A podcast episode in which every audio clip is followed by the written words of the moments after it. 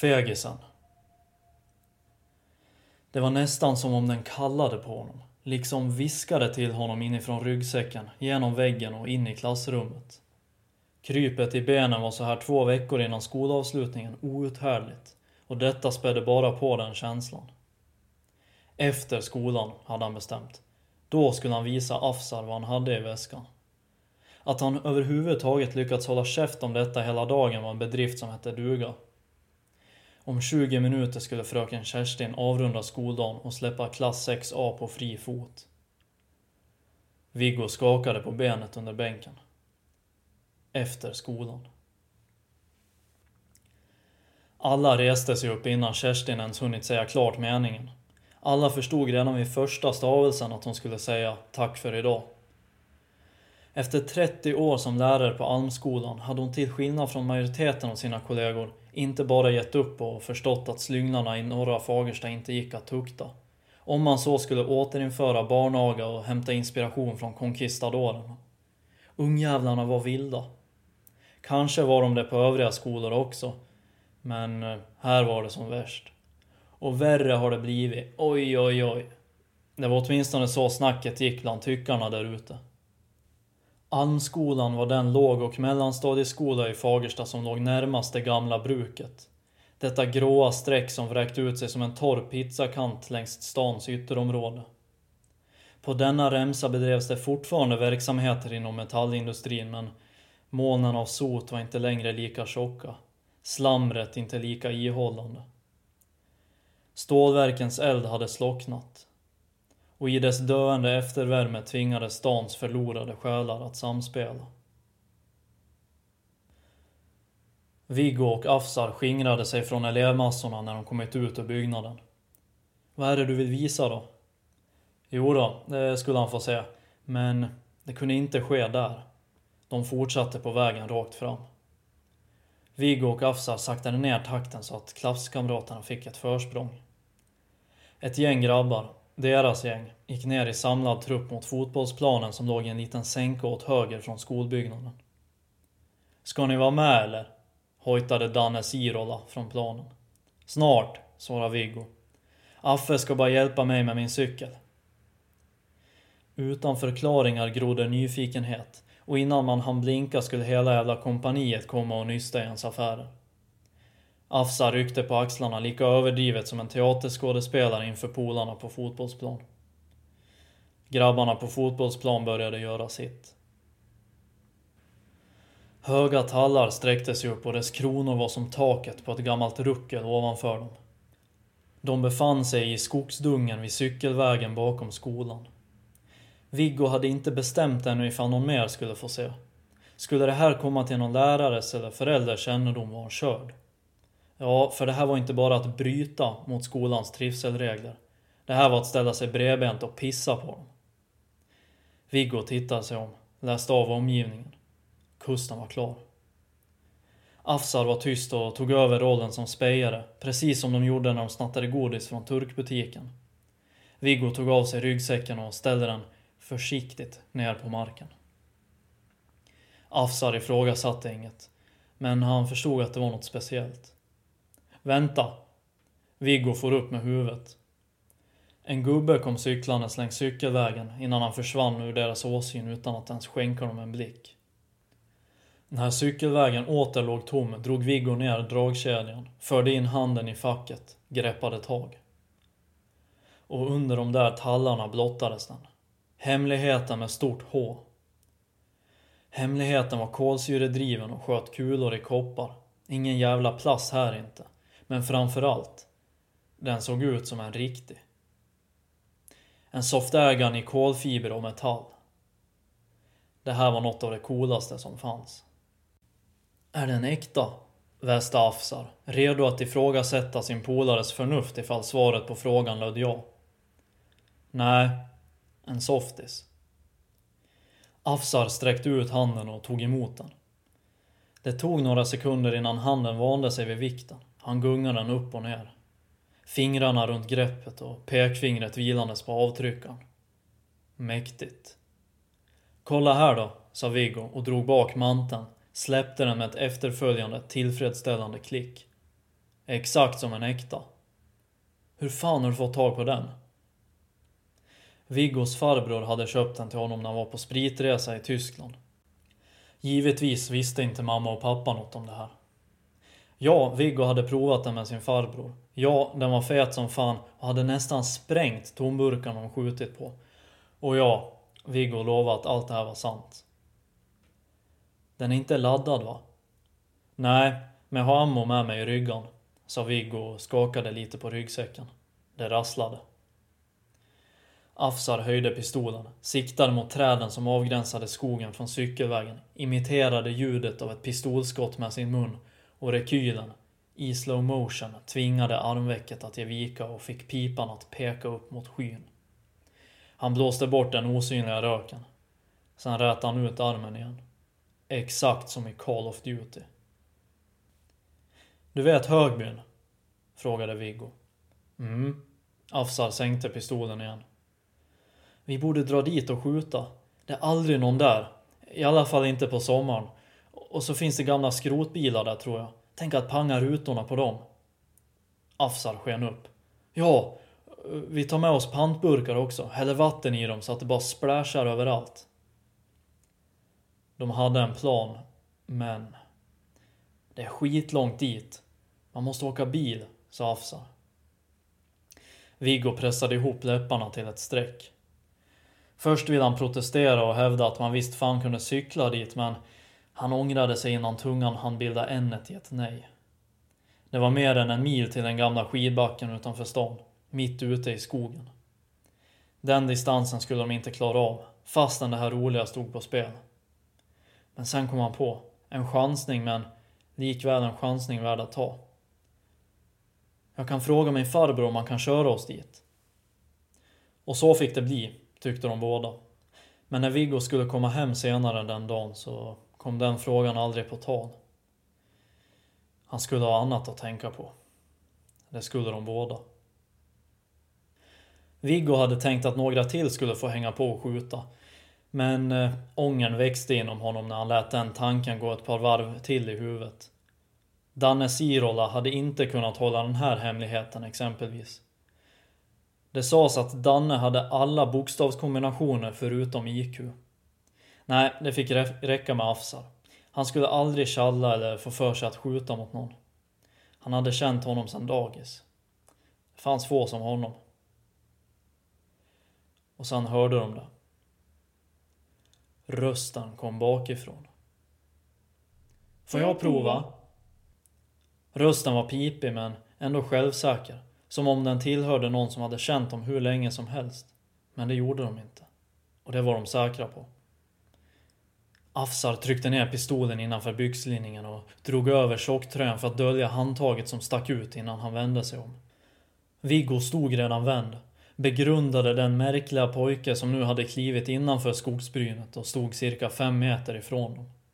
Fräknar i mängder garnerade pojkens bleka hy, som om någon med käften full av O'boy hade nyst honom i ansiktet.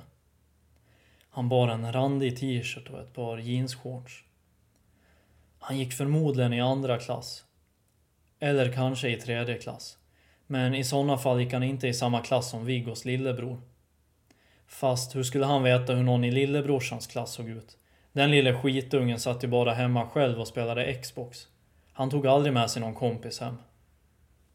Dra härifrån, sa Viggo. Jag vill titta på pistolen. Viggo och Afsar utbytte uppspärrade blickar. Va? Jag har ingen pistol, sa Afsar. Jo, du har en pistol i byxan. Ett Dennis the Menace-leende spreds ut under fräknarna. Går du inte härifrån kommer jag slå sönder dig. Fattar du? Viggo tog fram det tunga artilleriet.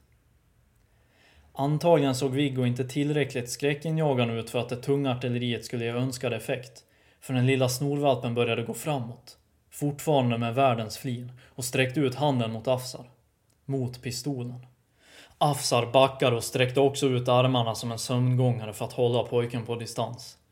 Du rör mig inte din lilla tönt. Fattar du vad jag säger? Fnitter. Sen attack. Smidig som en vessla duckade pojken Afsars famlande armar och fick tag i pistolen precis innan Viggo greppade honom runt midjan och drog honom mot sig. Den lilla pojkens fötter stod fortfarande förankrade i marken och pistolen gled upp från Afsars byxlinning. Dess handtag omfamnades nu av två händer. En ljusbrun och en snövit. Pojkens ena arm klämdes mot hans kropp i Viggos grepp, men hur fan kunde Viggo inte få omkull honom? Viggo och Afsar stånkade i kör. Varenda liten muskel stramades åt i deras kroppar. Men den snövita handen tvingade pistolen att höjas och pipan var nu riktad åt sidan, ut mot trädstammar och buskage. De båda sjätteklassarna fruktade styrkan de tampades mot. Deras hjärtan slog inte hårt bara för den fysiska ansträngningen. Fasan växte inom dem. Och skitungen bara fnissade åt det. Afsar tog ett grepp om pistolen, som nu var fullständigt begraven i fingrar och knotor. Han tog ett grepp med andra handen också, gjorde ett ryck mot sig. Den fräkniga pojkens grepp lossnade. Det var bara en detalj. Pistolen small av. Pojkens krossade öga, bubblande i tårar och blod, vittnade om att Viggo visst inte hade tömt magasinet på kulor. Skriken ekade under de åsktunga molnen och de gängliga tallarna ända fram till fotbollsplanen. Han tittade upp mot dem och de svor att de kunde se ända in till hjärnan. Kräkkänslor klättrade upp för halsarna på dem, stannade halvvägs och så tycktes även tiden göra. Fotbollsmatchen utanför klassrummet stannade upp. Hela skolan hörde vrålen av smärta. Ja, ända in till arbetsrummet där fröken Kerstin satt. Hon var snabb ut och grabbarna på fotbollsplan var inte sena med att följa efter henne som en svärm hungriga knott. Men när de var framme var det ingen där.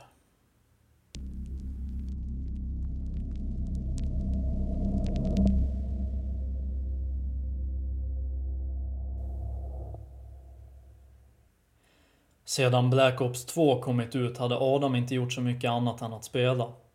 Ibland blev han tvingad av mamma att gå ut men nästintill all annan ledig tid gick till att spela. Hans rum i lägenheten på Myrbovägen lät som en krigszon. Adam var redan hemma när Viggo kom hem från skolan. Adam gick bara i trean, men var tillräckligt mogen för att inte behöva gå på fritids efter skoldagarna. Kanske hämmade det hans sociala utveckling, men headshots lockade mer än att ha att göra med andra dryga ungar. Rent krast hade han ju ett socialt utbyte genom tv-spelandet eftersom att han kommunicerade med både lagmedlemmar och motståndare online. På engelska dessutom. Dock bestod den främsta kommunikationen av fraser såsom 'fuck you' och 'gay'. Adam hörde ytterdörren öppnas, sedan stängas. Det var hans storebror. Mamma och pappa kom inte hem förrän senare på eftermiddagarna. Han skruvade ner volymen på TVn. Lyssnade ifall brorsan släpat hem några polare. Nej, det verkade inte som det. Adam pustade ut och Viggo gick raka vägen från hallen upp till sitt rum. Ibland kunde Viggo komma hem med en massa kompisar och sen, med våld om det så behövdes, ockupera Xboxet. Förr var det bättre. Förr fick Adam vara med Viggo och hans polare och spela Xbox eller hitta på saker ute. Förr var det inget tvivel om att de var bröder, men nu. Adam var bara ett litet kryp i Viggos ögon. Ett kryp som han bara stampade på om det kom i ens väg. Plötsligt började han tänka på en mardröm. Eller var det en dagdröm han drömt? En dröm där Viggo riskerade att försvinna för gott. Adam höjde ljudet på TVn igen. Viggo hade aldrig varit så här yr någon gång under sina 12 år på jorden. Och då hade han ändå gått loss på Gröna Lund en gång, samt dragit på sig en hjärnskakning efter att ha hoppat ner från den högsta klätterställningen i Vilhelminaparken. Rösterna kring matbordet var en enda sammanfogad massa ur vilken det inte gick att urskilja ett enda ord. Men vad hade hans föräldrar och lillebror för viktigt att säga ändå? Tallriken med spaghetti och köttfärssås snurrade framför honom som om det var en farkost som förberedde sig inför att stiga mot himlen, ut i rymden. Mot en planet där inget av det där hade skett. Han var säker på att vid minsta lilla rörelse skulle han spy. Att kroppen skulle hiva ut allt skit han hade inom sig. Som om paniken, eller varför inte även själva scenariot som hade föranlett den, var en fysisk sak som låg där i magsäcken och skvalpade runt. Hallå, Viggo? Det här var hans mammas tredje försök att nå fram till honom. Men det var inte förrän nu han uppfattade. Hans grumliga blick rörde sig uppåt från tallriken, bekräftade hennes kall på uppmärksamhet, gled tillbaka ner i spagetten igen. Det är viktigt att äta även om man mår dåligt. Försök att få i dig lite grann i alla fall. Viggo suckade och grävde fram en bit mat på gaffeln. Vi får ta tempen på dig igen efter maten. Känner du dig fortfarande varm? Frågade Mats. Mm. Viggo förde in gaffeln i munnen. Han blundade hårt i sin ansträngning för att inte spy. Jag tror inte att det är feber. Du hade 37 grader sist, men vi kollar igen imorgon. Jenny la huvudet på sned. Stackare. Pastan växte i munnen för varje tugga. En tjock, klistrig massa som beslagtog hela käften. En tjock och klistrig massa som hade flera likheter med den blodiga gegga som gurglade i pojkens ögonhåla för fem sex timmar sedan. Förutom färgen. Den geggan var mörkare. Mycket mörkare.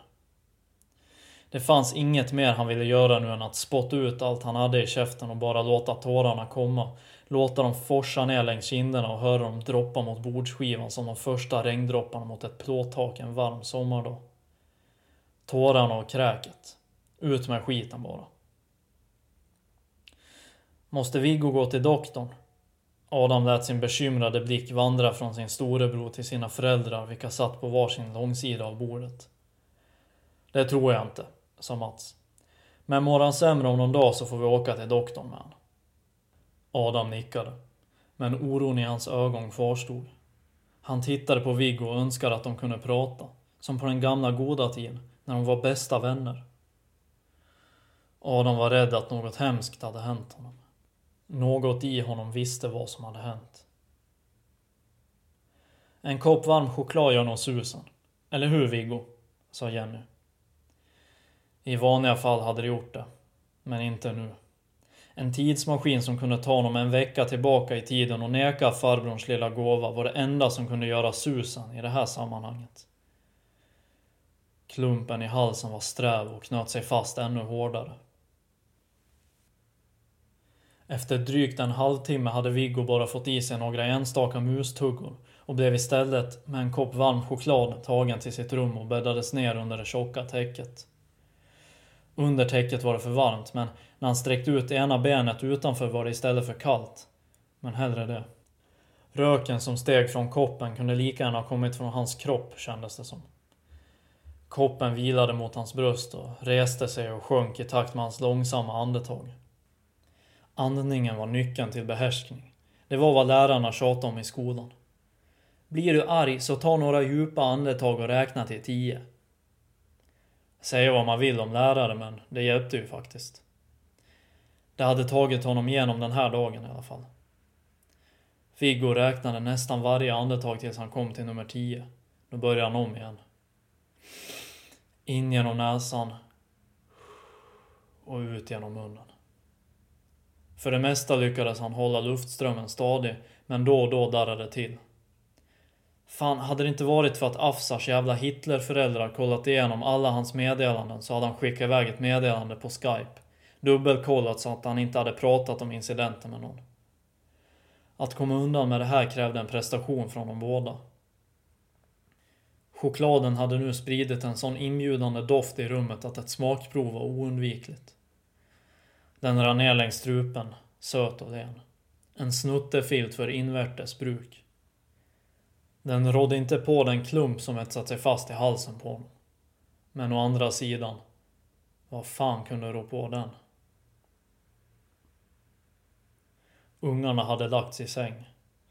Jenny och Mats stod och plockade in disk i diskmaskinen under tystnad.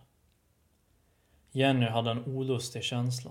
Hade haft det ända sedan hon hade kommit hem till sin sängliggande son. Att maken inte hade sagt något om det nu när de var ensamma irriterade henne. Kände han inte sin egna son? För något var fel. Jäkligt fel. Det var inte bara det att Viggo var dåsig och orkeslös. Det var något i blicken. Något apatiskt. Hon såg samma sak i blicken på gamlingarna på ålderdomshemmet precis innan de kastade in handduken för gott. Du, sa hon, satte ner en tallrik i diskmaskinen och harklade sig. Jag är verkligen orolig över Viggo. Jo, han verkar vara rätt krasslig. Nej, hon stannade upp med vad hon gjorde. Det är något mer än det. Det har hänt något.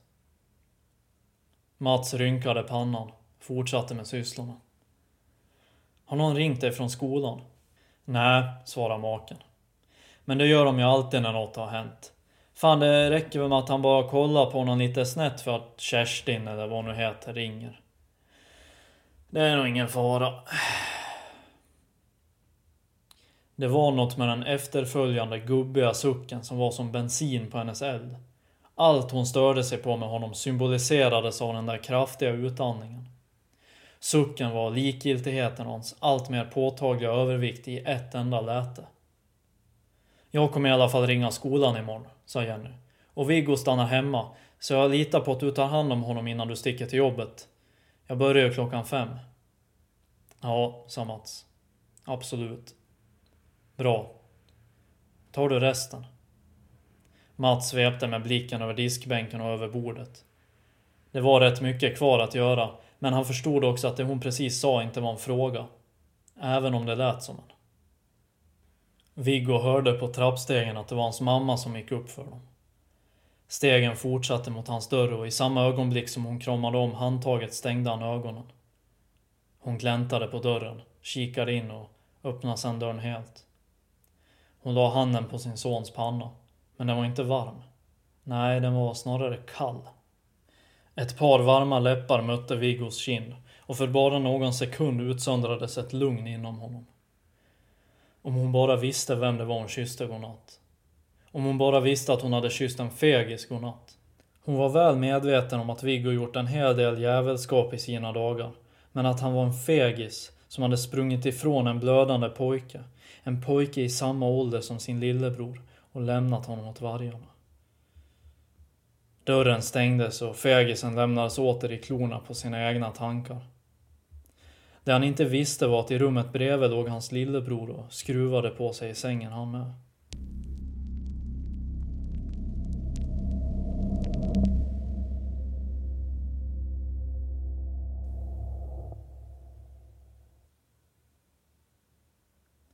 Solnedgången färgade hela Myrbovägen röd. Det döende ljuset vällde in genom köksfönstret och fick det nystädade kökets diskbänk och bord att blänka. Glasflaskor klirrade mot varandra när Mats ryckte upp kylskåpsdörren och tog sig en pilsner. Fan, skulle man jobba nattskift på fabriken kommande dygn så behövde man ju stärka kropp och sinne. Även vardagsrummet marinerades i ett rött skimmer. Men förlades i mörker när Mats drog igen gardinerna så att tvn inte skulle reflektera ljuset. Han sjönk ner i soffan, satte på tvn, lyfte på arslet för att komma åt snusdosan i bakfickan och knäppte i en enda rörelse upp kapsylen med den. Ölen var precis så där kall och god som han hade förväntat sig. Och några knapptryck senare hördes kommentatorernas upphetsade stämmor. Nu var det bara att luta sig tillbaka.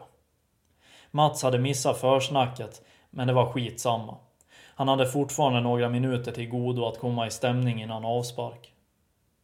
Bilderna växlade mellan spelarnas uppvärmning och de fyllda läktarna. Tror du att det är ett offensivt Manchester United vi kommer få se idag? Frågade den ena kommentatorn sin kollega. Det är mycket troligt. Ja, jag menar det är sista omgången i serien och, och det sker på en hemmaplan inför drivor av förväntansfulla supportrar som vill se sitt lag kamma hem en serievinst. Nej, jag kan faktiskt inte se något annat än att eh, Manchester United kommer gasa på rejält idag. Svarade kollegan. Men motståndarna idag, Liverpool, kan vid vinst snuva Manchester United på titeln. Är det inte så? Mycket riktigt, men eh, det förutsätter att Arsenal förlorar mot West Ham idag. Och det tror jag inte kommer gå vägen. Nej, men som sagt och kvällens drabbning alla ingredienser för en riktigt härlig fotbollsmatch. Jag kan knappt bärga mig. Och det kunde inte Mats heller. Matchen hade varit inpräntad i huvudet som en mental tatuering i flera dagar. Liverpool-fans på jobbet gav pikar vid varje tillfälle de fick. Mats själv var snabb att göra detsamma. Men nu hade tiden kommit och det var upp till bevis. Gåshud väcktes på Mats armar vid bara tanken om en vinst. Det här var fotboll i sitt esse. Även om det inte var lika bra som på 80 och 90-talet, men vad fan var det egentligen? Om det inte vore för att korsbandet gick av 1985 hade kanske Mats egna insatser mot rövargäng som Surahammars IF och Ludvika FK kunnat leda till en proffskarriär i England. Det hade ju varit något det. Han tog en klunk öl och domaren blåste igång matchen. Nattskiftet fanns inte längre i Mats värld. Hundskall. Hundskall ekade och den vedervärdiga kylan bet och slet i Viggo som fann sig liggandes raklång på blöt asfalt. Ögonlocken var tunga, som om vikter hade fästs i ögonfransarna. Men Viggo fick till slut upp dem tillräckligt för att kunna se sig omkring. På höger sida, betongfasad. Samma sak på vänster sida. Byrackornas morrande och gläfsande studsade mellan betongen, vilken fick läten att förlängas till ett enda konstant oljud. Som om man hade fångat åskmullen i en liten plåtburk. Rent psykiskt behövde Viggo ingen mer övertalan för att springa därifrån. Hans kropp tycktes dock vara av motsatt åsikt och armarna vägrade att pressa upp honom till stående position. Svaga, som om de hade pumpats fulla av mjölksyra. Ena handen var förställd i ett krampartat grepp om någonting. Det var pistolen. Pistolen som farbror hade köpt i Tyskland. Pistolen som fått en liten grabbs öga att explodera. Pistolen som han slängde i soptunnan vid gångtunneln på vägen mot hans bostadsområde. Greppet gick inte att släppa. Paniken brann inom honom och nu hördes inte längre bara skall. Klor kom krafsande mot asfalten. Marken skakade i framfarten. Viggo grimaserade var på god väg att gråta när han i kamp mot sina egna lemmar försökte ta sig upp. Han lyckades pressa upp sig tillräckligt för att få in ett böjt knä mellan sin kropp och marken, la sin vikt mot det och böjde det andra knät tills han stod på alla fyra. Asfalten dallrade. Den långa betongkorridoren sträckte ut sig i all oändlighet framför honom. Var ljuset kom från var en gåta. Himlen var mörk och blank som en tom griffeltavla och inga gatlysen eller dylikt fanns. Gåtorna kunde gott förbli olösta. Ja, Viggo hade inte ens reflekterat över eller ifrågasatt scenariot han fanns i. Varenda cell i honom jobbade för en och samma sak. Överlevnad. Det kändes som om knäna skulle vika sig för varje språng han tog och inte gick det fort heller. På honom bara. Hördes en mullrande stämma deklarera. Kötta horungen. Viggo kunde inte hejda sig. Han hade ändå inget att förlora. Så sakta som hans jävla spagettiben förde honom framåt. Kanske skulle han kunna samla krafter om han fick se hundarna och mannen bakom sig. För kanske var de inte så skräckinjagande som de lät. Han slängde en blick bakom axeln. Och det han såg fick kroppens samlade funktioner att haverera för någon bråkdel sekund. Av två anledningar. Den ena anledningen var att de var mycket närmare än vad han trott. Den andra anledningen var just vad det var som han såg. Vänsterknät vek sig inåt och Viggo damp ner i asfalten. Han vände sig på rygg, kände värmen från hundarnas fradgande käftar, såg den muskulösa mannen i mjukisdress bakom dem. Mannen, som var alldeles rödsprängd i ansiktet, hade ett stativ fäst i ryggraden som tornade upp sig en meter ovanför huvudet och mynnade ut i en vågrät järnbalk. På respektive sida av järnbalken satt gungor. I den ena satt den enögde pojken från skogsdungen. Afsar satt i den andra. Men det hade inte Viggo sett förrän nu. Han kunde, i ett desperat försök, ha skjutit med luftpistolen mot angriparna. Men det gjorde han inte. Kamphundarna sög tag i Viggos fötter. Bet så det knakade. Det tog ett tag innan Viggo förstod att han hade vaknat. Han låg bara och andades i de tilltufsade sängkläderna. Han förde handen genom sitt svettiga hår. Okej, okay, det var en dröm. Men visst fan var det inte omöjligt att pojken hade en skogstokig farsa som kanske just nu var ute på stan och letade efter monstren som skadat hans son. Om inte nu så skulle jakten garanterat ta vid dagen därpå. Kanske skulle två pitbulls hjälpa honom. Illamåendet kom tillbaka, likaså alltså tårarna. Viggo hade ställt till med en hel del jävelskap under sina 12 år på jorden. Snöbollar på rutor, smällare i brevlådor, krossade glasflaskor i gångtunneln vid skolan samt ett och annat söndersparkat stuprör hade han på sitt CV. Allt detta utan någon inverkan på hans nattsömn och samvete. Men det här. Det här var ondska. Fegt och jävligt.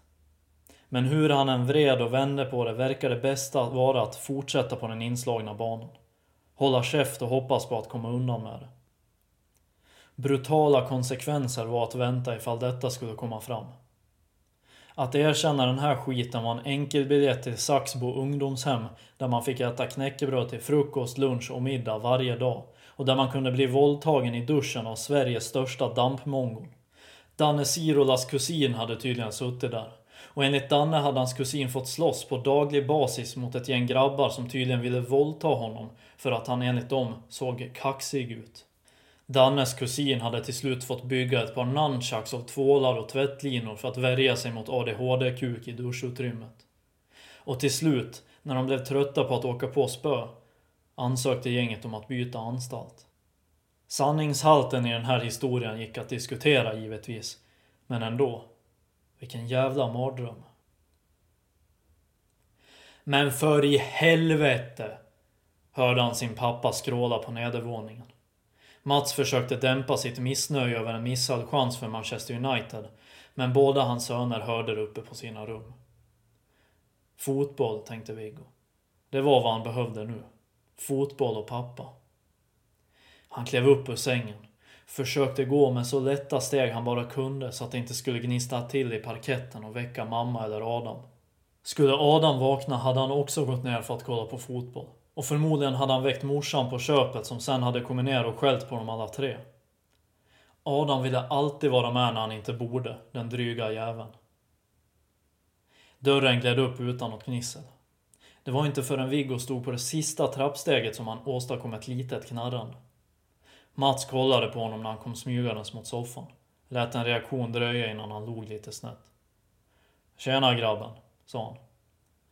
Viggo hoppade upp i soffan bredvid sin pappa, lutade huvudet mot honom och hörde livliga tarmljud gurgla och sjunga i magen.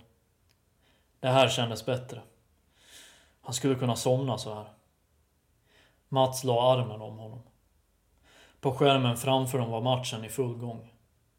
Svetten blänkte på spelarnas kroppar och den alltmer högljudda hemmapubliken hetsade sina spelare till att springa lite mer, tackla lite hårdare. Viggo tänkte ett par varv. Sen frågade han sin pappa. Tror att United kommer vinna?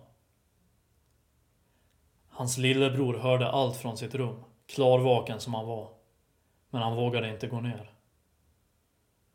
För kanske var det inte Viggo, hans storebror, som satt där nere i soffan. Kanske var det för sent. Adam hölls vaken av klara minnen från en dag vid Kolarbysjön förra veckan. Regntunga moln samlade kraft på himlen. Senare den dagen skulle ett rejält åskväder braka loss. Men då, just precis då när Adam satt där längst ut på bryggan, var det alldeles tyst. Ingen vind susade i öronen. Och granarna bakom sjöns norra strand stängde ute ljudet från riksväg 69 mellan Fagersta och Norberg. Inte för att det var särskilt trafikerat en trött söndagsförmiddag som denna ändå. Ytan på den lilla grumliga pölen till sjö låg som en stilla skiva mitt ute i skogen. Hit hade han gått varje söndag sedan i våras, när mamma tvingade honom att gå ut istället för att sitta hemma och spela tv-spel. På fredagar och lördagar är det okej att sitta inne om du vill. Men en dag i veckan lär du ta lite frisk luft i alla fall. Det var en bit att gå till Kolabysjön från Myrbovägen. Åtminstone för en nioåring. Men hur han kom på tanken att gå dit från första början mindes han inte. Han hade börjat uppskatta promenaderna. Känna på den friska vårluften och den goda nattsömnen som följde. På somrarna, när Adam och Viggo var yngre, brukade de plocka upp polare på vägen för att sen bada i sjön hela dagen. Vid den södra stranden, inte långt ifrån där bryggan tog vid, fanns en livräddningsbåt som man absolut inte fick paddla runt i för sitt egna höga nöjes skull. Och speciellt inte om man var ett gäng skitungar utan vare sig vuxet sällskap eller flytväst. Men det sket ju de i. De kallade det för piratskeppet. Viggo och Afsar brukade samsas om att vara kapten på skeppet medan Danne skötte artilleriet. Eller bombare, som de kallade det för. Adam fick nöja sig med att vara slav. Men vad fan, han fick ju vara med i alla fall. Ibland var de ännu flera i besättningen på ett skepp som snarare liknade en flyktingbåt som försökte ta sig över Medelhavet än ett storslaget fartyg. Oftast, om inte alltid, slutade färden på sjöss med interna maktstrider som kulminerade i att stora delar av besättningen skickades över bord. Danne skulle alltid knuffas och ha sig. Och en gång la han av en bra skit så vedervärdig att alla andra kände sig tvungna att kasta sig över relingen. Båten stod fortfarande kvar på sin plats. Men det var nog två år sedan Adam, Viggo och Viggos vänner lättade ankar sist. De första gångerna Adam hade gått till Kolebysjön själv kändes det jobbigt att kolla på den. Det påminde honom om en tid då han inte var osynlig för Viggo. En tid då Viggo till och med lät honom umgås med hans kompisar och inte bara lekte cool. Nu kändes det inte lika jobbigt längre. Inte bra, men inte heller lika jobbigt. För här vid Kolabysjön hade han fått en kompis. Och den kompisen bodde under bryggan. Adam knackade tre gånger på bryggan. Knack, knack, knack. Det var så Adam skulle berätta att han var där. Det hade de kommit överens om. Tystnaden fortskred i några sekunder innan Adam hörde det bubbla till under bryggan. Han kunde se sin kompis blöta kalufs mellan plankorna. Hej, sa pojken. Adam ryste till. Han gjorde det varje gång i början på deras möten. De första gångerna han hade träffat sin kompis hade han intalat sig att han bara hade inbillat alltihop. Sett i syne, som i filmer där hjälten är fast i öknen och tror att hägringen i horisonten är en vattenkälla. Hej kompis. Jag har väntat på dig. Har du haft det tråkigt där nere? Adam kikade ner mellan springorna. Såg det mörka håret ligga slickat mot en blek, fräknig kind. Det har jag alltid. Förutom när du är här. Adam log. Samtalet fortsatte och svängde hastigt mellan ämnen som det gör när små barn talar med varandra. Kompisen. Nej, han hade inget namn. Gick ju inte i skolan som alla andra barn. Hade ingen familj. Bodde inte ens i ett hus. Trots detta var han som att prata med vilken jämnårig unge som helst, tyckte Adam. Och det förstod han inte riktigt. Bodde man under en brygga borde det märkas mer på en. På fler sätt än att man är blöt. Det borde märkas på en som person. För vad fan, bor man i en sjö kan man ju inte vara riktigt klok.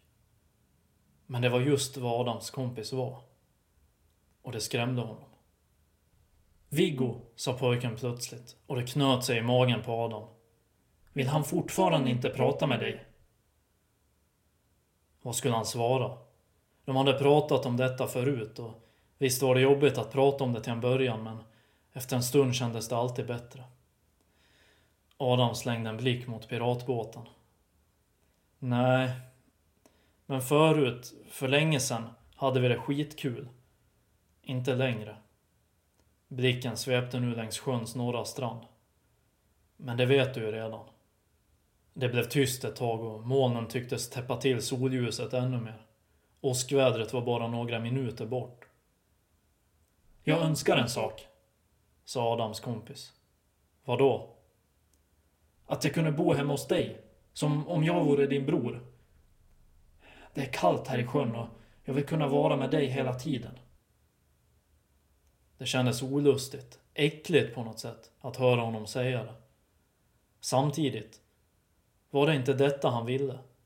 Var det inte exakt detta han ville? Hmm, jag vet inte. Mamma och pappa vill nog inte ha ett till barn. Och då slog blixten ner i horisonten. Den slog ner ute i skogen någon kilometer innan Norbergs kommun tog vid. Fem sekunder senare mullrade över Kolabysjön. Adam hoppade till. Ta det lugnt. Blixten kan inte pricka dig, Adam. Ifall blixten slår ner här kommer den att träffa ett högt träd. Okej? Okay? Jag vet, sa Adam och svalde. På något vis kände han sig lugnare. Som om rösten under bryggan virade in honom i en tjock filt som skyddade honom från allt. Men en del av honom var livrädd för denna sjöpojke. Dina föräldrar vill inte ha ett till barn, eller hur? Nej, exakt. Tänk om de inte behöver det då? Tänk om jag kan bo hos dig ändå? Sa sjöpojken med ett visst skifte i tonen. Han lät mer vuxen. Vad som menades med detta förstod inte Adam, vilket han också berättade för sin kompis. Det han mullra till ännu en gång innan han fick ett svar. Denna gång slog blixten ner längre bort. Okej, inledde rösten under bryggan. Tänk om jag byter plats med din bror? Tystnad. Lång tystnad. Om jag ser ut exakt som din bror, pratar som din bror, fastän det är jag, då skulle vi kunna hänga med varandra varje dag. Och jag hade sluppit att bo här nere. Det är blött och kallt här, Adam. Det är blött och kallt. Adam förstod fortfarande inte. Eller så ville han inte förstå. Men kommer Viggo att försvinna då? Eller blir du hans tvilling? Nästa blick slog ner mycket närmre. Och det efterföljande dånet fick Adam att kvida till. Shh, det är ingen fara. Orden tycktes gå rakt in i Adams medvetande, utan att gå omvägen via öronen. Pojkens hand sträckte sig upp ur vattnet och la sig på bryggan. Adam bara fann sig sträckandes efter den, tog tag i den. Sen blev det tyst. Tyst och svart. Han kände en svag bris fläkta honom i ansiktet. I övrigt var det helt vindstilla. Det fanns ingen doft och inga ljud. Han var inkapslad. Sen tog rösten till orda. Och den tidigare barnlika stämma som Adam talat med var borta, utbytt. Rösten som talade till honom var mäktig. Rösten var allt. Du förstår, jag måste vända blad. Jag måste härifrån. Din bror kommer inte att försvinna. Men jag blir en del av honom. Och han en del av mig. Vi flätas samman. Blir till en symbios. Vi blir något vackert. Föreställ dig en kastanj. Din bror blir dess taggiga skal och jag, jag blir kärnan. Jag vill känna värme. Jag vill ha det du har. Jag är hungrig efter mer. Plötsligt, som efter ett knapptryck, satt Adam där på bryggan igen. Men någon pojke under bryggan fanns där inte. Pulsen steg och efter att ha samlat sig ett tag insåg han, ja han var alldeles säker, att det var en dröm. Allt hade varit en dröm från första början. Sen föll regnet. Det var inte förrän dagar efteråt, när hans bror kommit hem blek och jävlig, som Adam förstod att det kanske inte var en dröm ändå.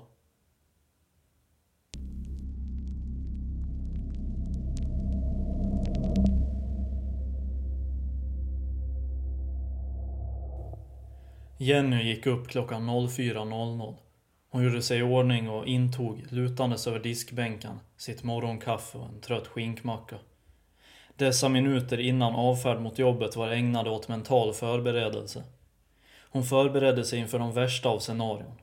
Så som att hon skulle bli tvungen att jobba över, att någon av de intagna skulle dö, eller ännu värre, att Kåt-Ove skulle få stånd i duschen när hon spolade av hans nerskitna arsle. Fast nu förberedde hon sig inför något som var mer sannolikt. Att Mats inte skulle hinna vakna för att få upp Adam i tid i skolan. Det fanns också en gnagande oro för att han även skulle skicka iväg Viggo till skolan, bara för att ha det lugnt och skönt innan han åkte till jobbet på eftermiddagen. Hon åt upp och tittade på sin make och son som låg utslagna i soffan. De hade exakt samma ansiktsuttryck när de sov, munnen på vid gavel. Jenny kände på Viggos panna. Den kändes lite ljummen. Sen gick hon. Mats vaknade klockan 09.10, 40 minuter efter skolstart. Gårdagens förlust för Manchester United hade fått honom att sova oroligt hela natten.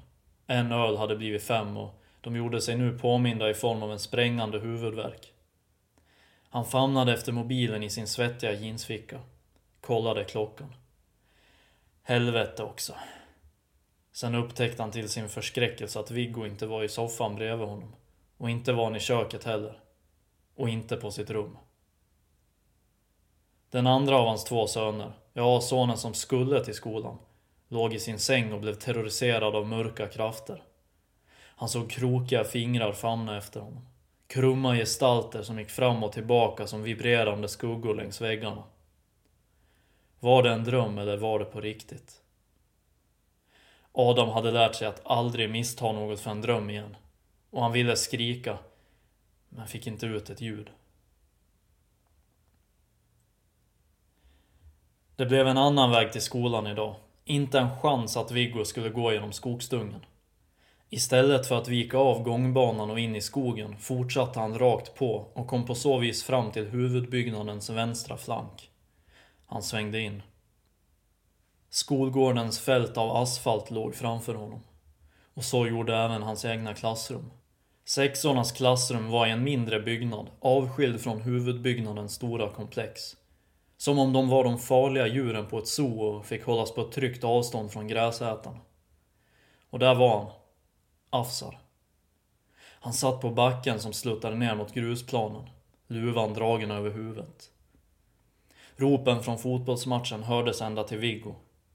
I allt det här hade Viggo känt sig ensam. Fruktansvärt ensam. Men när han såg Afsar blev han påmind om att han hade honom vid sin sida genom eländet. Sin bästa vän. Men framförallt blev han varse om att Affe inte hade berättat för någon. För hade han gjort det hade han inte suttit där. Hade han sagt något hade Viggos föräldrar fått reda på det. Tvära vändningar och kvicka löpsteg rev upp dammoln från grusplan. Några grabbar från femman var också med och spelade. Till och med några tjejer var med. Alla var med. Förutom Viggo och Affe. Deras blickar var låsta på fotbollsmatchen. Inte för att de var investerade i matchens utfall. Nej, det var för att de knappt kunde titta på varandra. Afsar satt fortfarande med luvan dragen över huvudet. Vad som först hade känts bra började nu att lämna en sur eftersmak. Det blev inte det där varma mötet Viggo hade hoppats på. Vi måste berätta någon gång, det fattar du väl? Afsars röst var anklagande och Viggo kunde inte hjälpa att han surnade till. Ja, vill du sitta i fängelse så absolut. För det första så kan vi inte hamna i fängelse. Vi är för unga. Och för det andra... Nej men ungdomsfängelse då, avbröt Viggo. Saxbo ungdomshem. För det andra kommer folk få reda på det ändå, fortsatte Afsar. Mina föräldrar märker att jag mår skit över något och till slut kommer man få ur mig det. Visst var det så. Visst fan var det så. Och Viggo visste om det. Han var ju själv i exakt samma sits. Kulan träffade honom i ögat, Viggo. Han kommer aldrig få tillbaka det. Det blev tyst en stund. Han kanske dog, fortsatte Afsar och det stockade sig i halsen för honom. Viggo tog ett djupt andetag, försökte räkna till tio. Ett, två, tre. Jag, jag önskar att jag aldrig tog med mig den där jävla softisen. Min jävla farbror borde aldrig ha gett den till mig. Hade, hade jag haft en tidsmaskin hade jag åkt tillbaka och... och... Jag vet, sa Afsar och kollade för första gången på Viggo. Mörka ringar låg som skuggor under ögonen som kikade fram ur luvan. Viggo sa inget på ett tag. Hade han gjort det hade hans röst brustit och tårarna hade börjat rinna. Han bet tag i insidan av kinderna och höll emot och började nu tampas med faktumet att Affe var lugnare än honom. Ryck upp det, Viggo. Sen ringde det in. Skoldagen började. Viggo och Afsar kollade på varandra och de förstod vad de behövde göra. Hon såg glad ut, fröken Kerstin. Nej, det var inte alls med en rovfågels blick som hon granskade elevtåget som vällde in i korridoren. Den jäveln kunde ju se från flera meters avstånd om man hade gjort matteläxan eller inte. Och då var hon inte sen med att hugga tag i en innan man ens hade hunnit ta av sig skorna. Ögonbrynen satt alltid långt ner på hennes ansikte. Avskärmade liksom en bit på toppen av ögonen och fick den som låste blick med henne att känna sig som en åkersork som snart skulle möta sitt öde. Men inte nu. Nu gnistrade hennes ögon. Inte ens när Danne och tillhörande eftersläp trängdes och knuffades i korridoren skiftade hon humör. Med det sinnelaget hon hade skulle deras bekännelse kännas lättare att yttra. Hon stod som ett fån med ryggen mot väggen i den långsmala korridoren. Hon var nästan helt statisk, som en skyltdocka. De duktiga tjejerna i klassen hälsade på henne och fick ett brett, ja nästan skevt, leende till svar. Danne Sirola började skratta och han gjorde det tydligt att det var just henne han skrattade åt. Men hon verkade inte förstå. Skrattet spred sig. Har kärringen fått en stroke? var en tanke som dök upp i Viggos huvud. Klasskamraterna som varit snabba med att få av sig ytterkläderna fortsatte längs korridoren som djur på väg till slakt och blev via en vänstersväng inslussade till klassrummet. Viggo och Afsar väntade ett tag med att ta av sig jackorna innan de flesta gått in till klassrummet. När polarna frågade dem om varför de inte varit med och spelat fotboll hade de bara fått mummel till svar. Viggo blundade, kände hur munnen blev torr. Hjärtat dundrade på innanför bröstkorgen. Hon stod fortfarande kvar bakom dem. Visste hon vad det här handlade om? Eller hade hon på riktigt fått en stroke? Viggo började att räkna till tio. Ett, två, tre, fyra. Afsar han före. Kerstin, vi vill prata med dig om en sak. Det ville Kerstin också. Men bara med Viggo. Tyvärr är Adam sjuk idag och kommer inte till skolan. Hade det låtit när Mats ringde sin yngste sons klassföreståndare den morgonen. Han funderade på att ringa Kerstin också. Be henne att skicka hem hans andra grabb, men... Var han tillräckligt frisk för att ta sig till skolan på egen hand var han väl tillräckligt frisk för att klara av dagen där också. Det som inte dödar härdar. Adams feberfrossa var långt värre än vad Viggo hade utstått föregående dag. Det var väl något jävla virus som gick runt. Mats hoppades på att han själv skulle få skiten så att han kunde sjuka sig några dagar. Som ynglingarna på hans jobb gjorde för att antingen kunna återhämta sig från bakfyllan eller för att kunna supa en dag till. Kom igen, det var ju uppenbart. På måndagarna var halva personalstyrkan i åldrarna 19 till 25 år hemma på grund av sjukdom. Måndagssjukan kallades fenomenet för bland de gamla rävarna på jobbet. Men Adam, huttrande och likblek, hade inte kommit dragandes med något påhitt för att slippa skolan. Den saken var säker. Mats drog handen genom håret och gick rastlöst runt i köket och väntade på att komma fram i telefonkö till 1177. Adam var helt övertygad om att skuggorna som fladdrade omkring honom, likt plastpåsar i stormvind, var verkliga. Och att de skulle skada honom om han klev upp ur sängen. Han skulle lyda. Och det gjorde han. Motvilligt. Käkarna hade låst sig och det enda ljud han kunde framställa var ett vagt hummande. Den lilla grabbens psyke vände sig in och ut, upp och ner, snurrade runt, knöt sig. Det enda sättet för honom att förstå att han fortfarande befann sig i sitt rum var att han kände den mjuka kudden och madrassen under sin tyngd. När Adam vände sitt fuktiga ansikte upp mot taket mullrade till och utan vidare blossade taket upp i ett bländande sken vilket skuggorna drogs mot, likt malar. Taket glödde som en gammal TV-apparat och snart började skuggorna att dela på sig. De antog nya former och skissade på takets självlysande canvas. Adam kände hur håret på bakhuvudet blev vått av tårar. Skuggorna, vilka numera snarare bestod av många skarpa streck, illustrerade en gång. Ett avlångt rum som mot den vita bakgrunden föreföll vara vidsträckt och tom. Det var åtminstone vad Adam tolkade det som. Och efter ytterligare detaljer stod det klart att det var exakt det som skuggorna avbildade. Som i en tecknad film började strecken att röra på sig.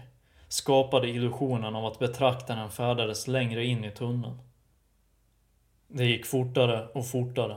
Starka svängar avlöste varandra. En berg och dalbana i helvetet. Håll i dig hårt grabben. Men det skulle visa sig att det här var mer än bara någon demonisk åkattraktion.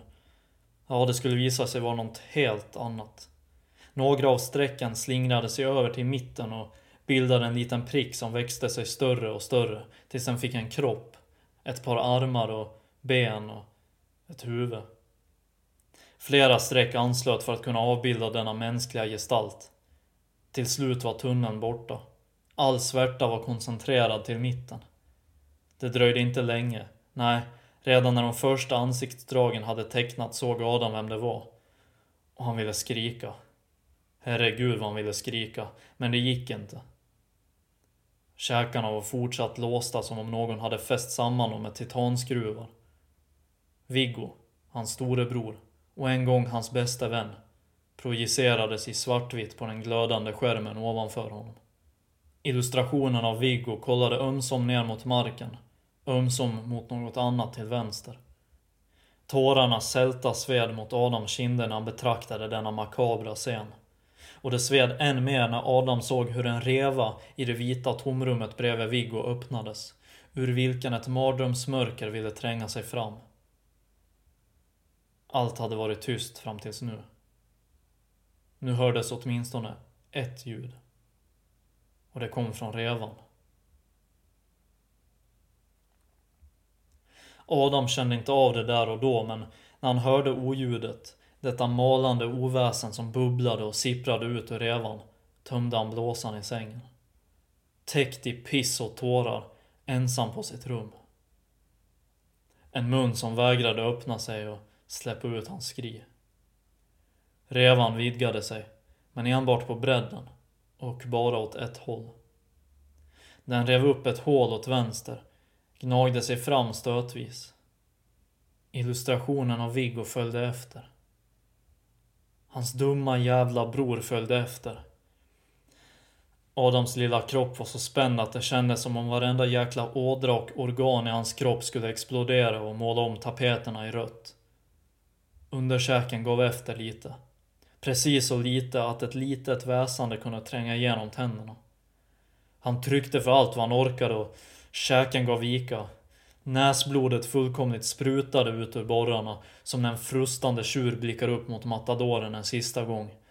Och han fick ur sig ett raspigt vrål som fick väggarna att vibrera. Var det något som lät? Ja, visst var det så. Viggo vred på huvudet, men ingen var där. Affe hade gått tillbaka till klassrummet som Kerstin hade bett honom att göra. Det lät som om det kom långt bort ifrån, men ändå så nära. Som om det var hans egna tanke som på något vis lät. Kerstin gick med stapplande steg framför honom. Hennes andetag var tunga och oregelbundna. Aha, hon är ju full, tänkte Viggo. Det var där skon klämde. Eller? De fortsatte förbi personalrummet som låg på höger sida om dem. Kaffelukten satt i väggarna här. Och det ryktades om att när det var äcklig mat i skolan så beställde lärarna pizza och tryckte i sig det där inne när skoldagen var över. Korridoren de färdades genom mynnade ut i parallellklassens hall. Ett öppet rum där klädhängare och hatthyllor löpte längs väggen närmast Viggo och Kerstin. Det fanns ytterligare tre dörrar på andra sidan klädhängarna. Två toaletter och ett grupprum. Det sistnämnda var det enda grupprummet i hela byggnaden, vilket lärarfacket antagligen ansåg var en sak som bidrog till allvarliga brister i arbetsmiljön. Golvet var alldeles grusigt och ett sjujäkla liv verkade äga rum bakom dörren till 6Bs klassrum. Förmodligen var det ännu värre i deras egna klassrum nu när ingen lärare var där. Viggos puls stegrade. Han hade en märklig känsla kring detta. Skulle han bara tvärvända och springa ut? Gisses vad ovetande han var. En dum fluga som flugit rakt in i spindelnätet. Precis som Kerstin hade gjort tidigare på morgonen. Att han ens trodde att han kunde fly nu. Att han inte förstod att saker och ting redan hade satts i gungning. Om han bara visste hur Kerstin dukat under. Om han bara visste. Ljudet. Han hörde det igen. Så tyst och försiktigt men ändå så skärande. Han stannade upp, blev som förstenad och i skramlet av Kerstins nyckelknippa försökte han spetsa öronen och se om han kunde fånga ljudet igen. Men det kunde han inte. Adam, som en plågad gatuhund täckt i spyor, piss och blod, tuppade av i famnen på sin far i en ambulans på väg mot akuten. Det var hans sista kraftansträngning för att få sin storebror att fly. Eller åtminstone försöka att fly. Kerstin, Alltså, ja, det väsen som var utsmyckad med det som en gång var Kerstins kropp, satte nyckeln i låset och vred om. Hon öppnade dörren till rummet där klottret täckte väggarna som fimpmärken och tatueringar täcker en buses armar. Hon vände sig om med ryggen lutad mot insidan av dörren, log och tittade på Viggo med en blick som sa Ska du inte komma in? Fan heller att han skulle. Grupprummets bortre vägg tycktes sjunka inåt, drog isär rummet till en gång. Och han tyckte sig kunna se något bakom gnistret i Kerstins ögon. Något mäktigt och fasansfullt. En björk vajade i vinden bakom glaset på porten till vänster om dem. Han höll sitt pokeransikte intakt innan han satte fart mot porten. Språnget tog honom över det grusiga golvet fram till porten vars glasskivor skallrade när han dundrade in i dem. Det fanns ingen tid för att stanna upp. Han hade förstått det nu. Viggo pressade sig mot dörren som inte gick upp. Och Kerstins stapplande steg bakom honom lät massiva och ekande. Men för fan. Just precis när han fick upp låset och pressade upp dörren med sin svettiga kropp fick hon tag i honom. Lufttillförseln stramades åt på nolltid om hennes beniga hand och alla minnen som fanns lagrade i huvudet på grabben, både de fina och de fula, fladdrade förbi i rapid framför näthinnan. Tårarna vällde fram. På något sätt trodde han sig förstå vad det hela handlade om. Men det han inte förstod var att ett avlossat skott från en soft airgun inte var det som utlöste detta. Han hade kunnat avfyra ett helt magasin eller inte något skott alls. Han skulle se sig kuvad av mardrömslika makter ändå. Grabben hade haft ett kikarsikte målat i pannan långt innan han och Affe lekte i skogsdungen. Kerstin vred honom till sig och när han såg varelsen för vad det egentligen var utplånades alla minnen och alla känslor. Allt som var kvar av honom. Mörkret kastade sig över Viggo. Redan när de första regndropparna slagit ner mot rutan på Adams rum på Bergslagssjukhuset hade han sina aningar. Men det var inte förrän det första åskmullret brakat loss som han var säker. Dropppåsen hängde i en ställning bredvid honom. Både mamma och pappa var i rummet med honom men de var nästan som osynliga i hans värld. Hans blick var vänd ut mot fönstret. Mot den gråa skyn. Allt lugnande medel gjorde andetagen långsamma och de torkade kvarlevorna av blod och kräk låg mot en sjukligt blek hy. Det mullrade till igen, rejält denna gång. Som om mörkret och skuggorna ville redogöra för Adam att dess uppdrag var slutfört och att han bara skulle få finna sig i det, göra det bästa av situationen. Adam blinkade med långa mellanrum. Han visste redan nu att det här inte skulle fungera. Och han var säker på att skulden låg på honom. Det var han som lockat fram skiten. Tröttheten slog honom. Ögonen rullade bak och blottade dess vitor. Ögonlocken flimrade. Innan han sjönk in i djup sömn hörde han sina föräldrar höja sina röster och kalla på läkare. I kväll, i natt, eller vid första obevakade tillfälle han gavs skulle han slita ut droppet och hoppas på det bästa. Hoppas på att kunna fly någonstans där mörkret inte kunde få fatt i honom.